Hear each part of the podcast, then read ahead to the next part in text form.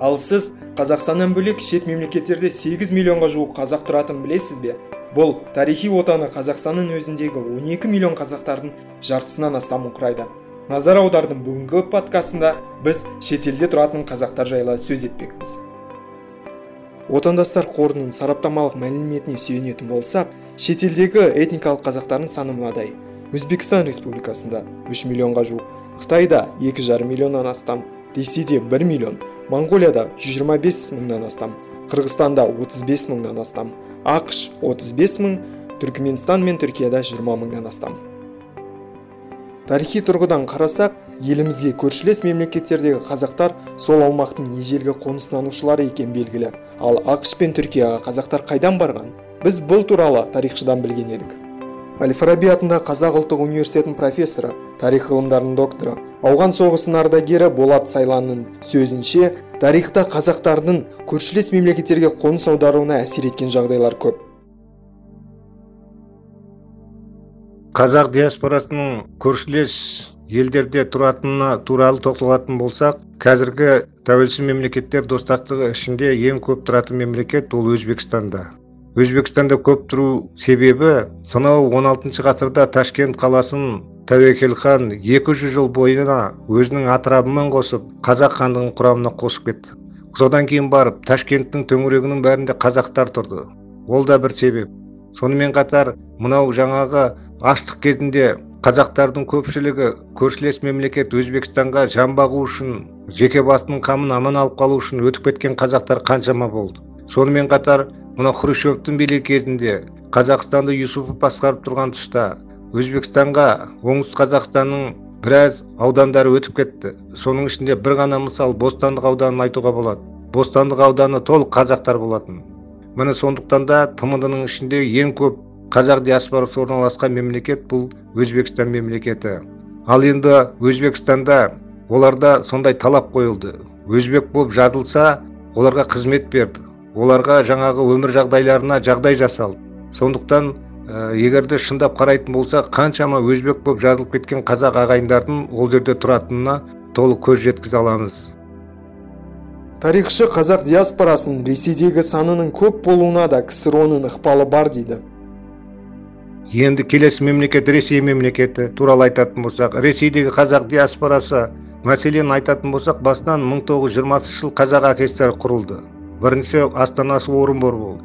Одан кейінгі астанасы қызылордаға ауысты ақмешітке сол ауысқан кезде қазақстан қазақ аксрінің территориясы қайтадан бөлінді. Сол кезде мына қазақ аксріне қарасты территорияларда көптеген қазақтар қалып қойды. Саратов астрахан мынау басқа да қазір мына омбы қаласында мысалы үшін жаңағы көптеген қазақтар қалып қойды.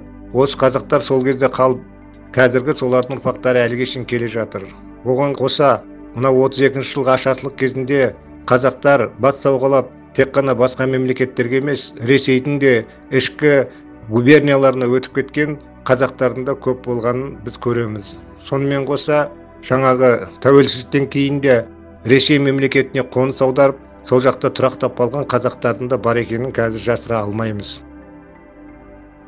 Ал қытай жеріне қазақтар 1916 жылдардағы ұлт азаттық көтерілістен кейінгі қудалаудан құтылу үшін кеткен дейді тарихшы. Ал қытайға тоқталатын болсақ қытайда да бір жарым миллионға жуық қазақ бар деп айтамыз. Оның өзі мәселен 1916 жылғы ұлт азаттық қозғалыс кезінде 300 мыңға жуық яғни жетісудағы көтеріліс кезінде жетісу халқының біраз бөлігі қытай асып кетті дейміз. Өйткені мынау патша үкіметінің тұсында зар заманында сондай қиын қыстау кезеңде өздерінің жанын бағу үшін малын бағу үшін басқа елдерге кетуге мәжбүр болған ұлтымыздың бар болғанын біз айта аламыз. 32 екінші ашаршылықта да өтіп кеткен сонымен қатар мынау таулы шөптің сонысын судың тұнығын қуып жаңағы мал өрістеген қазақ жаңағы алтай тауларының беткерінде жүрген қазақ сол жақтарда қалып қойды. сондықтан ол жақта да біздің қазақ диаспорасы әліге шейін жаңағы өздерінің ұлттық құндылықтарын жоғалтпай өсіп жатқанына біз қазір көз жеткізе аламыз. Профессор қырғызстанда қазақтардың көп шоғырлануына тарихи жағдайлардан бөлек екі ел арасындағы туыстық қарым қатынас әсер еткенін айтады. Ал қырғызстан туралы айтатын болсақ қырғызстан өзімізге өте көршілес мемлекет. Қазір жасыратын жоқ. Қырғыздан қазақ қыз алып қазақтан қырғыз қыз алып құдаласып кеткен жағдайлар да бар. Қырғызстанда жаңағы біздің әсіресе жамбыл облысына өте жақын біздің қазір керек болса кейбір жастарымыз қырғызстандағы университеттерде оқиды қырғызстандардағы жоғары оқу орындарда оқиды сол жақта жұмыс істейтін де жаңағы жастарымыз бар. Қырғызстанда да сол аштық кезінде ашаршылық кезінде одан кейін де өтіп кеткен қазақ диаспорасының өкілдері бар екенін біз жасыра алмаймыз. Болат сайланның айтуынша түркияға қазақ диаспорасы шет мемлекеттерден барған. Негізінен бұл ксро ның кезінде анау яғни өткен 20 ғасырдың елуінші жылдары шыңжаң ұйғыр автономиялық ауданының алтай округінен былайша айтқанда алтай қазақтары көшіп барған. Сондай ақ жиырмасыншы ғасырдың сексенінші жылдары ауғанстан мен ираннан босқын ретінде қоныс аударған қазақтардан тұрады деп айтамыз. Түркиядағы қазақтардың көпшілігі шынын айтқанда ауғанстан мен ираннан барғандарда өте жетерлік. Неге десеңіз өздеріңіз білесіздер ауғанстанда тыныштық бұзылған кезде ксро деген мемлекет жабық мемлекет болды оған өтуге ешқандай мүмкіндік жоқ. Сондықтан ауғанстанның жаңағы қазақтары түркия арқылы бүкіл европаға өтуге талпынды. Мәселен қазір шетелдерде европада тұратын қазақтардың көпшілігі осы ауғанстаннан ираннан барған қазақтар. Мен сол факультет деканы болып жүргенде диаспораға бір баланы көрдім. Ол бала түркиядан келдім деді. Бірақ түркиядан келгенмен мен оған осындай сұрақ қойдым. Сенің түбің түркиялыққа ұқсамайды деп қазақ баласы. Сол кезде ол айтты иә менің жаңағы түбім ауғанстан деп. Сонда мінекей ауғанстаннан түркияға барған содан европаға өтеміз деп жүріп сол түркияда тұрақтап қалған. Сондықтан түркияда да қазақтар бар ол қазақтар осы елдерден барып шоғырланған қазақтар. Ал енді жаңағы елуінші жылдары барған қазақтар қазір түркияда қазақ диаспорасының бар екеніне ешкімнің күмәні жоқ.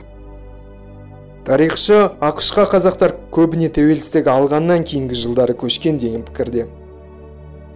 Ал ақштағы қазақ диаспорасы туралы айтатын болсақ ақштағы қазақ диаспорасы бұрынғы кезде өте аз болды деп ойлаймын. Неге десеңіз ксро кезінде америка құрама штаттары мен мына қазақстан ә, құрамында болған ксро құрамында болған қазақстаннан ақшқа шығуға ешқандай мүмкіндік болған жоқ. Бірақ мына екінші дүниежүзілік соғыс жылдарында тұтқынға түскен осы кейбір қазақтардың елге келіп зауқы соқпай олардың шетел асып кеткендері де бар. Сол шетел асып кеткендердің ішінде сонау америкаға дейін жетіп америкада да тұрақтап қалғандар бар болу керек деп ойлаймын. Сонымен қатар ақшқа негізінен қазақтар осы түркиядан барды және де басқа түркия арқылы басқа европа мемлекеттеріне осы түркия арқылы барғандығын айтуға болады.